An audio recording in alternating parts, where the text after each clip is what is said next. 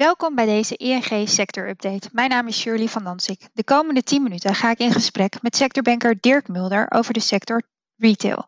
Met deze sector update willen we je op de hoogte houden van de laatste inzichten. Dit kan je helpen om vooruit te denken en te acteren. Dirk, waar gaan we het vandaag over hebben? Nou ja, Shirley, zoals jij in de leader al aangaf, gaan we het vandaag over uh, de retail hebben. En als je daarna daarnaar kijkt, dan hebben we eigenlijk de, uh, twee takken daarin. Dat is food retail, de supermarkten en de speciaalzaken. En aan de andere kant de non-food retail. Uh, en dan heb je het over fashion, kleding, schoenen, living, wonen, doe-het-zelf en de tuincentra, elektronica en personal care. En daarbij moet je dan denken aan drogisterijen en parfumerie. Oké, duidelijk. Uh, als je terugkijkt naar 2020, wat valt jou dan op voor retail? Uh, wat is bijvoorbeeld de impact van corona op de sector geweest? Zo, nou die is uh, enorm geweest. als je dat af, of nu terugleest in de kranten, dan is dat natuurlijk in extreme mate ook te zien. toch, als je het afbelt, heeft de retailsector het eigenlijk helemaal niet slecht gedaan. Met een groei van 6,5% over, uh, over het afgelopen jaar. Uh, maar als je dat dan opdeelt, dan zit een grote groei uh, zit bij de supermarkten, 7, 8%. En in de st stream daarvan ook de speciaalzaken. Ehm, en de non-food retail die laat een, een groei van anderhalf procent zien, waarvan het grootste gedeelte natuurlijk bij e-commerce zit. Ja, want hoe zit dat dan eigenlijk met uh, online bestellingen? Ik doe op dit moment niet anders. nee, dat is leuk. Dat doen we met z'n allen niet. Hè. We, mogen, we, mogen eigenlijk niet naar buiten. Uh, de winkels zijn gesloten. Uh, dus we hebben de afgelopen tijd hebben we gewoon echt een massale toeloop op de webshops gezien. Uh, hebben de afgelopen uh, jaar wel een, uh, een groei laten zien van in sommige kort, maanden 50 procent. dus dat is, dat is echt heel fors. Ja, zeker. En de sluiting van de winkels, hè, half december. wat is de impact daarvan geweest? Ja, eigenlijk dramatisch. kijk, als je het uh, terugkijkt over het uh, afgelopen half jaar, dan zie je dat de categorieën, dus alles wat te maken heeft met huis, tuin, dat die het eigenlijk best nog wel goed gedaan heeft. Dus op dit moment voelen in zijn woonomgeving. dus we gaan of ze of tuin of we kopen een nieuw bankstel. Um, maar ook uh, onze kantooromgeving uh, uh, moet in orde zijn. Of om de kinderen bezig te houden. Dus ook elektronica, speelgoed en dat artikelen hebben het eigenlijk nog best wel goed gedaan. Um, heel slecht hebben eigenlijk alles wat met fashion te maken heeft. Dus kleding, schoenen en luxe. Dus dan heb je het over juweliers en de drogisten of de parfumerieën. Uh, maar nu de winkels dicht zijn, en juist in een tijd, hè, december is natuurlijk toch de topmaand voor, uh, voor de hele retail. Uh, ja, blijven gewoon heel veel retailers uh, met hun voorraad zitten. Ehm, ja. En ja, het kenmerk van voorraad is toch dat het snel veroudert. Dus ja, wat moet je daar dan straks mee? Ja, jeetje, ingewikkeld lijkt me. Ehm, ja, trends en ontwikkelingen, daar wilde ik toch ook nog wel uh, met je over hebben. Als je kijkt naar uh, eh, 2021, wat zijn voor, uh, voor de retail de trends wat jou betreft? Ja, ik, ik moet heel eerlijk zeggen, het zijn niet hele vernieuwende trends. Het zijn trends die we, die we een langere tijd zagen, maar we zien nu hè, dat door corona sommige trends versneld worden. Um, een van de belangrijkste, denk ik toch wel, uh, waar we het eerder ook al over hadden, dat is die digitalisering. Uh, uh, zeg maar die kanaalshift naar internet. maar wat we ook zien is dat de supply chain, dus de hele keten achter de retail, dat die steeds belangrijker aan het worden is. Ehm, en wat daarmee, waar, waar, je voorheen gewoon zag dat de keten ingericht was om producten zo goedkoop mogelijk uit het buitenland en veel het Verre Oosten naar, uh, naar Nederland te krijgen. Ga je nu meer kijken van ja, uh, bedrijven komen erachter dat de aanvoer van producten niet altijd goed geregeld is. Dus gaat het om betrouwbaarheid van de aanvoer.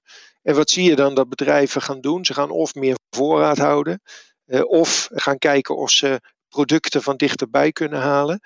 Of ze werken met meerdere leveranciers, dus als een soort van reserve erachter. En de laatste trend die je toch wel ziet, is dat bedrijven steeds meer gaan kijken waar ze hun hoogste marge kunnen halen. Dat kan door hun assortiment of hun collectie aan te passen. Wat zijn producten die hard lopen op dit moment? Nou, even terug naar die kleding. Hè? Dus spullen die je gebruikt om thuis te weer thuis te. dat is anders dan als je veel uitgaat en of naar je werk moet. maar ook kanalen. bedrijven kijken kritischer naar via wel eh, internet, fysieke winkel, eh, partners, eh, wat ze moeten inzetten om te kijken waar ze een hoogste marge kunnen halen. Ja, ja duidelijk. nu we toch over 2021 bezig zijn, wat zijn de vooruitzichten? De groeiverwachting die lijkt ja, laag, maar hoe zie jij dat? Mm, ja, het is, het is een beetje lastig, omdat er natuurlijk. Uh, we weten niet hoe lang uiteindelijk dit door gaat zetten. die, die, die lockdown waar we nu in zitten. Ehm, en dat de afgelopen jaar die retail het best nog wel goed gedaan heeft, dan verwachten we eigenlijk dat een fors aantal sectoren toch uh, volgend jaar die groei die ze het afgelopen jaar hebben laten zien niet uh, hebben, uh, zullen kunnen vasthouden. Dus wij verwachten eigenlijk over het geheel een krimp van, van 2%. Um, zelfs voor het supermarktkanaal, hè, waarvan ik net zei dat die het eigenlijk heel goed gedaan hebben. Ehm, die groei van 7, 8% van het afgelopen jaar die is natuurlijk heel lastig om dat vast te houden. Ehm, maar internet, wat eh, de jaren in totaal, eh, denk ik, 20, 30 procent gegroeid is. Is natuurlijk heel lastig om dat naar volgend jaar toe vast te houden. Dus wij verwachten voor het internet een groei van 10 procent. Ja, en als je dat allemaal bij elkaar optelt, dan zien we toch voor de meeste sectoren, fysiek in combinatie met online, zien we toch een kleine krimp. Nou, een behoorlijk negatief vooruitzicht als ik je dit zo hoor zeggen. Zijn er los daarvan toch nog wel positieve ontwikkelingen die je kan delen? Ja, dat vind ik eigenlijk wel. Uh, nee, inderdaad. Uh, ik, ik, schets geen, ik schets een beetje een somber beeld. daar moet ik wel de kanttekening bij plaatsen. Dat in de categorieën die ik genoemd heb, dat de afgelopen maanden niet echt heel slecht zijn geweest. Maar je ziet Terwijl bedrijven op dit moment aan het kijken zijn hoe ze kansen uit die markt kunnen halen. Hè, dat is dus de versnelde overgang naar, naar internet. maar je ziet ook steeds meer bedrijven die vanuit de winkel thuis gaan bezorgen. die ehm, videobellen met hun, met hun klanten. die via social media heel actief aan de, aan de slag zijn. Ehm, dus wat dat betreft denk ik, het, het, ondernemerschap zie je nu juist wel naar boven komen.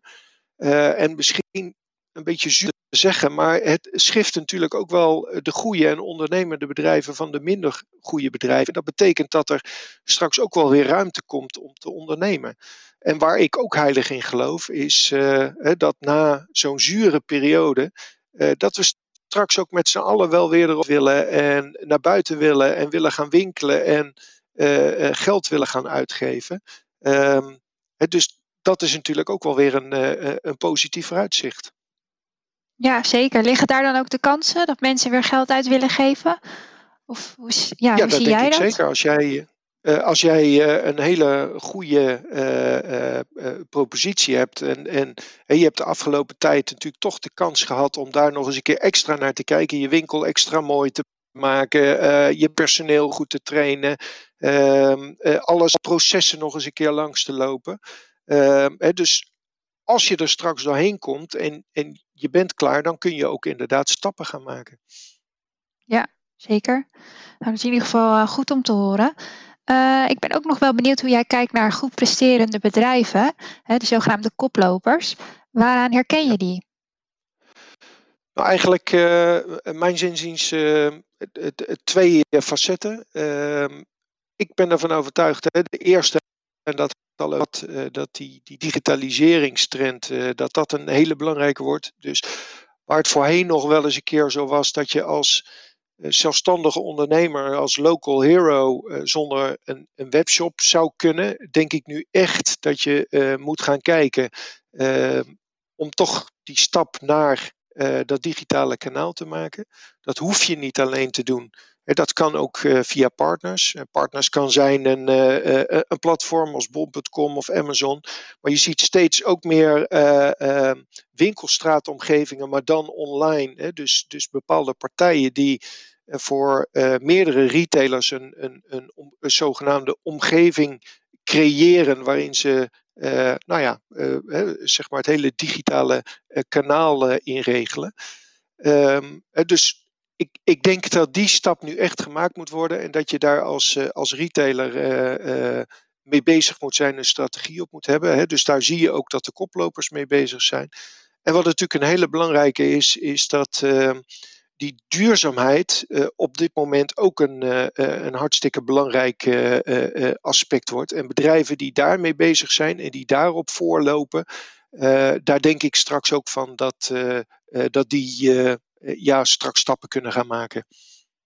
Ja, helder. Tot slot, waar zou je mee willen afsluiten? Heb je een advies voor ondernemers in deze voor hen toch wel uitdagende tijd?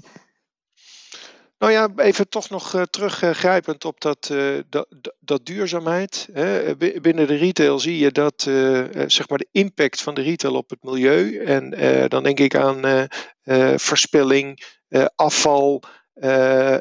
In het productieproces, hè, de impact die spullen hebben het maak, in het maakproces op het milieu. Dat de bedrijven die daar stappen in maken, ehm, ja, dat, dat die eh, eh, eh, het goed doen.